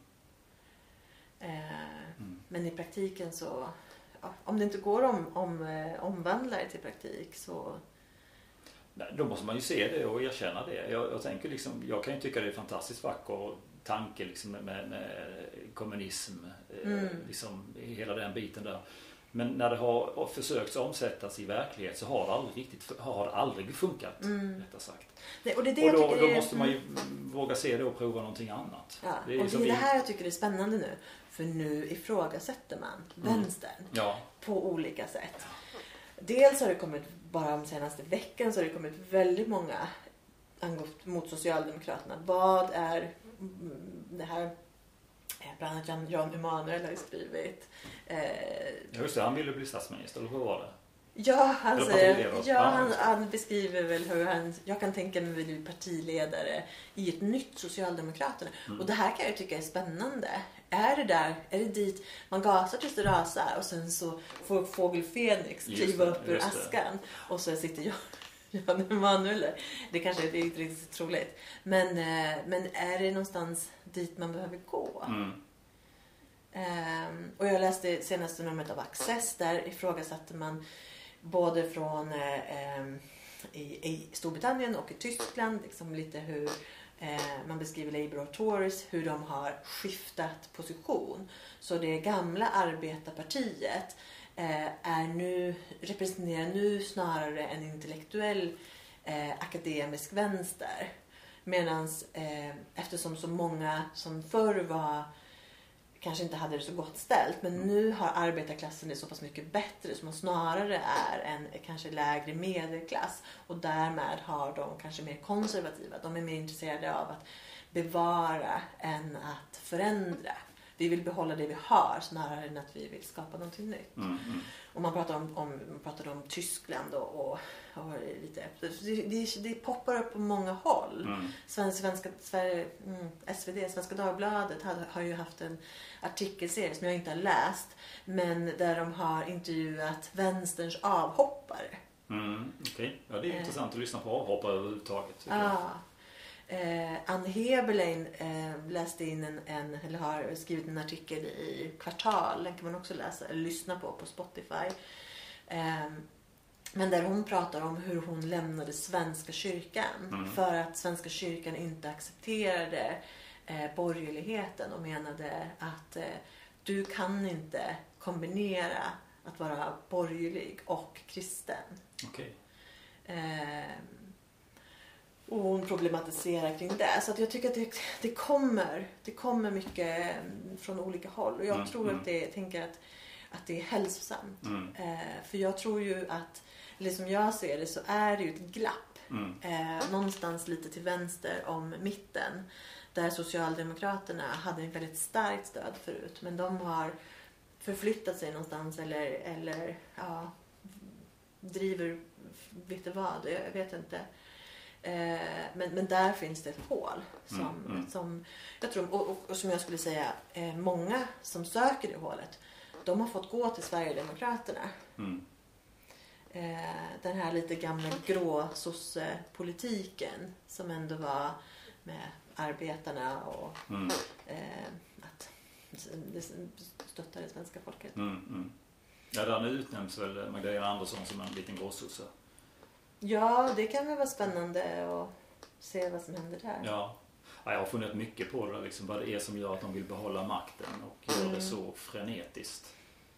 Eh, Mm. Nästan så det känns lite läskigt, Ja, kan jag tycka. och där kommer det här. Är det för att de gasar så här, vi gasar tills det rasar. Ja, ja. Vi har inte, för jag tänker mig, tänkte till exempel inför den här perioden. Mm. så tänkte jag att det rent taktiskt skulle ha varit eh, lite bra för Socialdemokraterna att säga eh, varsågod, borgerligheten kör. Mm. Eh, för att vi just nu är det en sån otroligt otacksam tid. Mm. Vi har ju, en, en, alltså, vi har ju kriser i princip i alla eh, välfärdsområden. Ja. Med skolan, med sjukvård, eh, inom rättsväsendet, med kriminalitet, Precis. Försäkringskassan. Mm. Man bara radar upp dem. Mm. Jag läste precis en, en eh, bok av Hanne Kjöller med Kris i forskningsvärlden.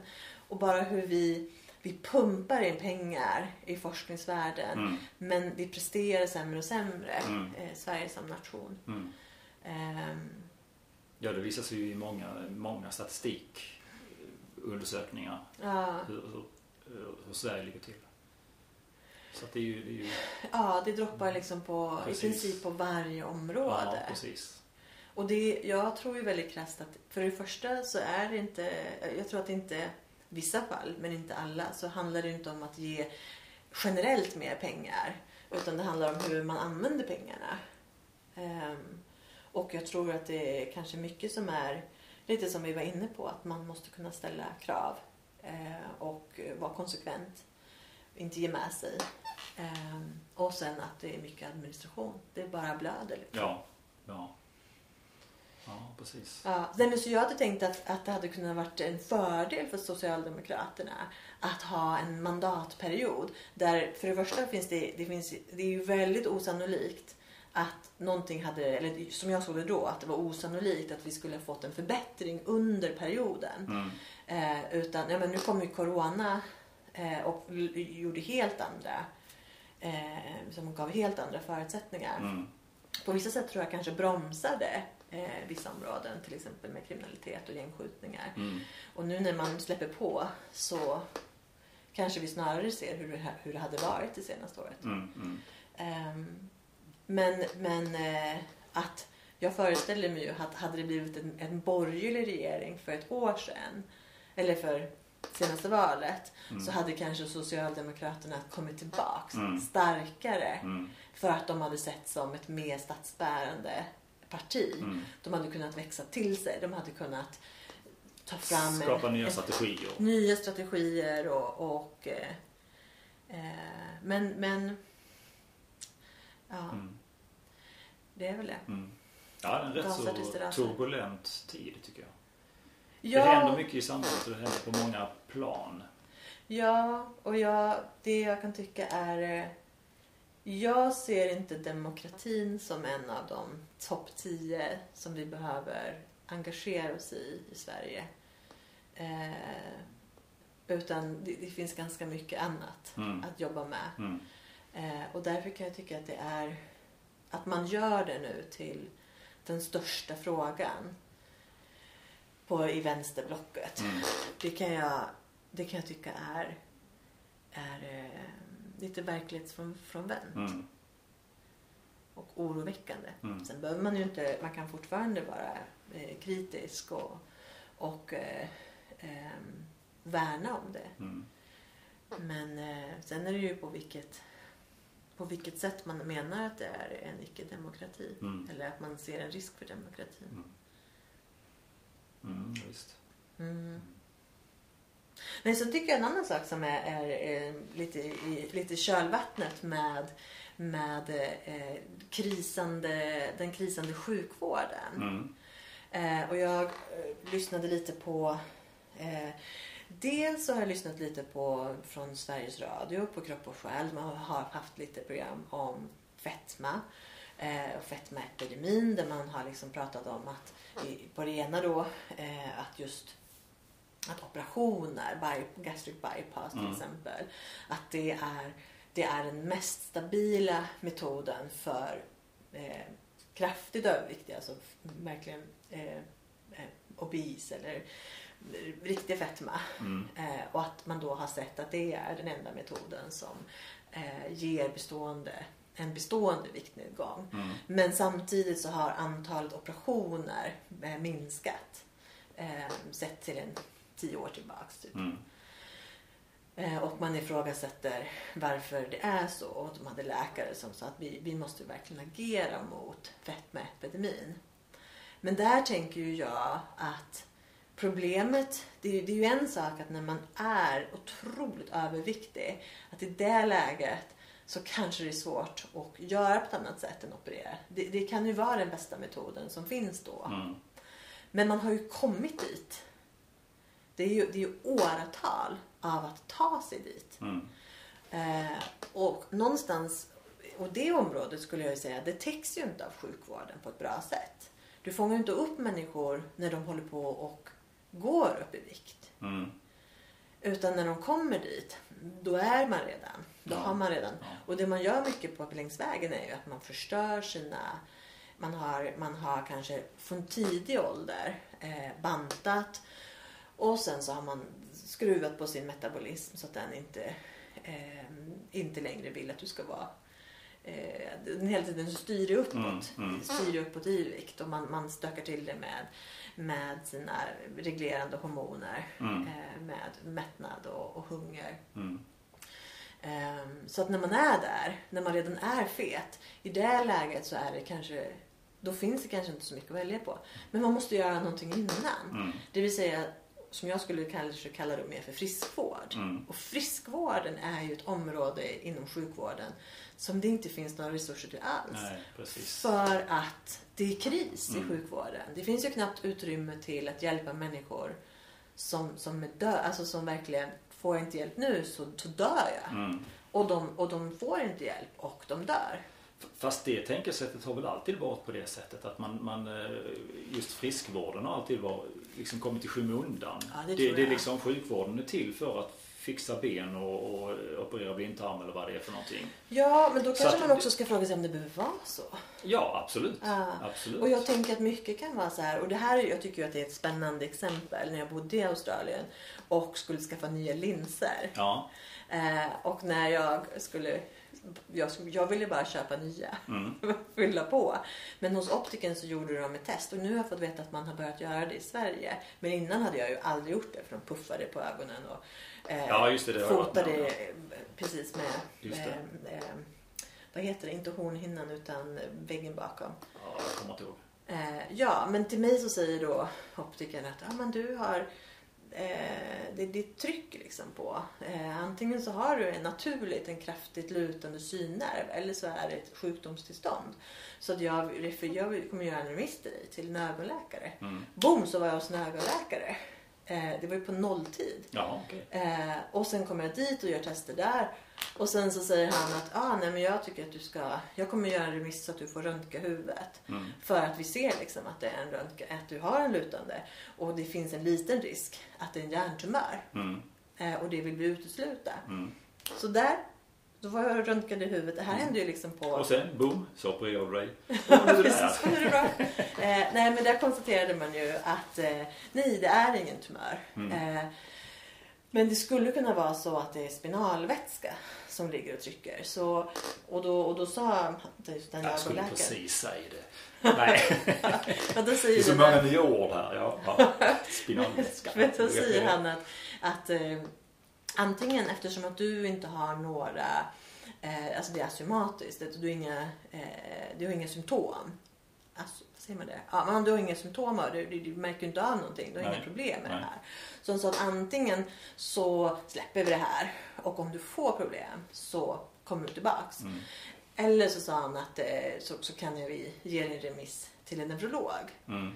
Eh, och, då- och då sa, tyckte jag att ja, det kan väl vara bra liksom, att, till neurolog. Mm. Eh, men i det läget, i nästa steg så sa de att ja, men om vi lägger in dig då en vecka på sjukhus får vi få undersöka. Och då tyckte jag att nu får vi nog lugna oss lite. Wow, Ja. oj. Men allt det här triggades igång för att jag skulle köpa nya linser. Ja. Och att de hela tiden var så här, vi måste utesluta att det inte är något problem. Eh, och nu tror inte jag att det jag, jag tror inte att det behöver vara liksom så rakt över. Eh, men, men jag vet ju när jag hade kollegor där nere och jag berättade att jag hade haft problem med ryggen och jag hade fått vänta tre månader för att få träffa Mm. en ryggspecialist på vårdcentralen som sen kunde ge mig en remiss. Mm. Och de tappade hakan. Mm. Alltså du vet när man, på, alltså, som i, när man, när man verkligen ser någon tappa hakan. Mm. Bara, den bara släpper. Mm. De tyckte att det var helt, var helt vansinnigt. Mm. Man på tre månader kan du ju vara död. Liksom. Mm. Det är ju helt orimligt. Eh, utan där var det, hade du, om du sökte läkare för att du hade huvudvärk, då ville de ju, nu vill vi utesluta det här. Mm. Och, och det var ju inte som att det var en privat sjukvård, utan det var ju, där hade man ju med, eh, ja men mer som i Sverige. Mm. Mm. Eh, och jag tror ju att jag tycker ju att det är oerhört sorgligt att det får gå så långt. Sen har vi ju vissa som är, vi tar cellprov till exempel för att undvika livmodercancer och vi Mm. gör mammografi. Och, Mm. Så det finns ju olika uppföljningar där vi, där vi har system. Mm. Eh, men just det här att eh, eh, ja, kanske känna av huvudvärk eller ha något problem, Mm. att få hjälp tidigt. Mm. Det finns så många exempel på när det inte har funkat. Mm. Utan du har skickats hem med lite värktabletter eller med förklaringen att det här är nog stress. Mm. Eh, och sen så kommer man tillbaka senare och så visar det sig liksom att det, det var ganska allvarligt. Och då blir det mycket större, Mm. mycket mer kostsamt eh, att, att, att sköta. Mm. Eh, men Såklart. jag saknar friskvården. Ja. Eh, och jag tänker också något som jag tycker är lite intressant för det är ju det är flera områden som man har brutit ur Mm. när det gäller, då tänker jag till exempel på optiker Mm. med, med, med synprövning och så. Det är ett område som man har helt, det är ju helt privatiserat. Jag Mm. antar, jag vet inte om man kan få bidrag, eh, glasögonbidrag till barn. Det kan, skulle jag kunna tänka mig att man skulle kunna ha. ja, det känner jag inte till. Nej, men samtidigt har ju glasögonbranschen blivit... Där skulle jag säga att det verkligen konkurrensen fungerar. Att du har otroligt billiga glasögon som du kan få tag på. Mm. Där det är så här, vi tar noll kronor för undersökningen och du kan Mm. köpa liksom för nästan hundralappar. Mm. Eh, och sen har du hela spannet upp till snygga, schyssta designerbrillor. Mm. Eh, och det är ja, 20 000 liksom, som Mm. det landar på med lite specialglas och allt möjligt. Mm. Så du har, och det skulle jag ändå säga då funkar ganska bra. Mm. Jag hade ju inte velat ha det kvar i sjukvården. Där det är så här, nu behöver jag en, en, tid för att undersöka min syn och så säger de att ja, men du får vänta till om fyra månader. Mm. Och tandläkare är ju också, där pratar man ju ganska mycket om problematiken i att man behandlar tänderna för att så mycket kan liksom hänga ihop med kroppen. Men det är ju också ett område som har plockats ur sjukvård. Mm. Ehm, Mm. kvinnohälsa har eh, på stor del plockats ut. Mm. Som är tveksam till hur bra det funkar. Mm. Nej, jag funderar ju mycket på hälsan utifrån mig själv Mm. eh, och jag ser på min omgivning. Jag har varit inne på det här tidigare. Just jag ser på mina föräldrar hur de, när de ser ut och sådär och Mm. då, då börjar jag ta hand om mig själv på ett helt annat sätt också. Eh, För att inte mm, åka på och käka en massa tabletter och, och helst inte komma till sjukvården alls. Mm. eh, För att den är som den är. Ja, men, och där tänker jag ju också att där hamnar man ju då i den här, i den här eh, om man till exempel pratar om motion och träning. Mm. Att man hamnar i det här området, ehm, det kommersiella, om att det har blivit motion är kommersiellt. Mm. Det tycker inte jag är dåligt. Jag menar, jag befinner mig i den sfären. Mm. Men att det kanske är lite för smalt. Det finns en, det finns kanske en uppfattning om vad det ska kosta. Mm. Och jag tänker till exempel som Friskis och Svettis som ju startade som en, som en eh, jag lyssnade på det sommarpratet som, som grundaren höll och han berättade liksom hur här, man ville ha som en motionsrevolution Mm. där motion ska vara tillgängligt för alla. Mm. Eh, idag är ju Friskis och Svettis snarare vilket gym som helst. Eh, bara att de, det, är- det, det är ett medlemskap. Och Mm. det, det, men, men, men gymmet är liksom välutrustat och eh, grupppassen är liksom... Ja, men det, det, det, det, på många sätt så kan det liksom likna ett Sats eller Ja, vilken ja. kedja som helst. Ja. Eh, och där kan jag ju fråga just det här. Det här att det kanske, kanske efterfråga, att det finns lite mer blandat. Att, eh, och just det här att kanske till och med vara ehm, lite volontär eller, eller vad säger man? Med, ja, men man, man, man eh, Ja, de har väl ett sånt system inom Friskis och Svettis va? Det har man, Ja. men, men eh, det märker ju mest eh, instruktörerna av Ja, som det inte får det. Ja, betalt. precis. men eh, men där, där kunden betalar ungefär lika mycket som... Alltså så här, kunden betalar typ lika mycket, Mm. eh, kanske något lägre. Men instruktörerna får inte betalt. Nej. Så de gör det frivilligt. Mm. Eh, och, och det, ja, det är ju en förening så det får de ju göra. Mm. Men jag tänker just för som, att, som deltagare att kunna välja olika alternativ och att kanske ha med så här, ehm, ja men eh, du har, du har en gammal gympalärare som liksom samlar ihop ett gäng och som bara tränar. Men man tar inte betalt för det. Mm. Utan man gör det eh, för att man vill främja. Liksom. Mm. Att det finns olika prisbilder till exempel. Mm. Mm. Jag har ju lurat jättemycket på det här när jag har som kör online-träning till exempel. Just det. Just Och, det. och också diskuterat med andra instruktörer. Där, för, för jag kan ju tycka att när, när jag då jag kör, jag kör hemifrån. Jag Mm. betalar ingenting extra för lokal. Nej. Det enda jag har är en webbkamera och, och ett headset. Mm. Eh, som jag behöver ändå. Mm. Så det är så otroligt lite. Det finns liksom i princip inga utgifter. Nej. Och jag kan, i och med att det är online, så kan jag undervisa hundratals. Ja. Nu är det inte så många. Nej. Men, men det, det, fin, det kan vara hur många som helst i princip som, Ja. man, som man släpper in på det. Mm. Och då kan jag ju tycka, vad är rimligt att ta betalt? Mm. Är det rimligt att ta liksom lite motsvarande eh, som att man skulle betala en drop-in biljett på ett gym? Mm. Det, det, det tycker ju inte jag. Men det är också många som, som gör det. Som, Mm. alltså, som tar den som man, och som ni har då diskuterat. Att Mm. man tycker att nej men om det, det är kvalitet liksom. Mm. Du får någonting bra för det här. Mm. Och jag kan ju tycka att man behöver liksom en viss du behöver en viss bredd i det. Där du Mm. får ändå kvalitet eh, till en liksom, lite demokratiserad Ja, träning. ja. Jag var inne för lite sen eh, på en eh, hemsida yoga, för yoga då, då på, på en yogasalong. Och såg att eh, drop-in-priset där var 250 kronor. Och för mig är det ohyggligt mycket pengar. På, men då var det live. Då är det, ja, då är det live. Ja, Ja. precis. Men Ja. jag tyckte ändå att det var ganska mycket faktiskt. Ja. Så att, eh, ja. Men å andra sidan så gissar jag att, att eh, för det har jag också tänkt på just med, med instruktörerna, vad de får betalt och sådär. För jag var ju instruktör en kort Mm, period. mm. Jag fick väl 120 för en, ett pass. Ja, ju Så, så att där, där gissar jag att Mm. de också får bra betalt. Det, det hoppas jag i alla fall. För jag ansåg att man skulle haft mer egentligen. Det, det jag tycker jag Ja. hade varit rimligt. Men, men sen är det ju det att det, det är ju billiga, det är ju väldigt billiga priser när det gäller att gå till gym och så. Mm. Eh, På Vasalundshallen så tror jag vi har, då är det väl 290 spänn för eh, bara vanligt gymkort och det är alla Mm. tider plus gruppträningar och sådär. Och det, det måste jag säga, det är väldigt billigt. Sen har vi Ja. 24-11, den tror jag är ännu billigare om det ligger på 200. 24-7. 24-7. Mm. Ja, så heter den ja. Ja, ja. Du blandar ihop det med 7-Eleven kanske? Ja, jag. precis. Just det, just det. Och det ligger väl på 250 spänn tror jag. Mm. Så att det är ju väldigt billigt att få lov att motionera Mm. på, på, på, på gym och så.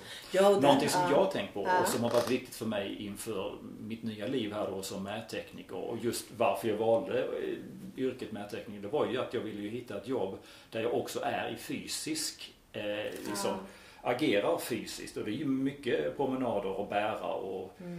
eh, sätta en prick på marken och böja sig och sådär. För jag vill verkligen ha in fysiken, rörelsen i, i livet och inte bara behöva gå på gym. Mm. Nej, det är. Så- så att det är liksom ett- man är Så det är skrivbordet. ett sätt för mig att tänka på hälsan också. Att jag ska hålla länge. Ja, absolut. Mm. Mm. Mm. Ja, nej, så lite så här, jag, jag tycker ju att vi gärna kan eh, återkomma lite till, speciellt nu när valrörelsen när, närmar sig. Mm. Jag har ju som en liten, jag, jag reflekterar över det. För det är ju väldigt mycket diskussion, vilket jag kan tycka är lite synd.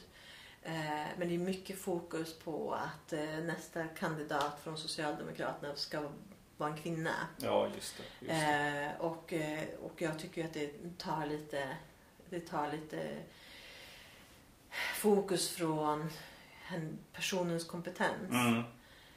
Och tar man till exempel Magdalena Andersson så tycker ju inte jag att det som utmärker henne är att hon är kvinna. Utan det är andra, andra personliga egenskaper Mm. som, Mm. som gör det.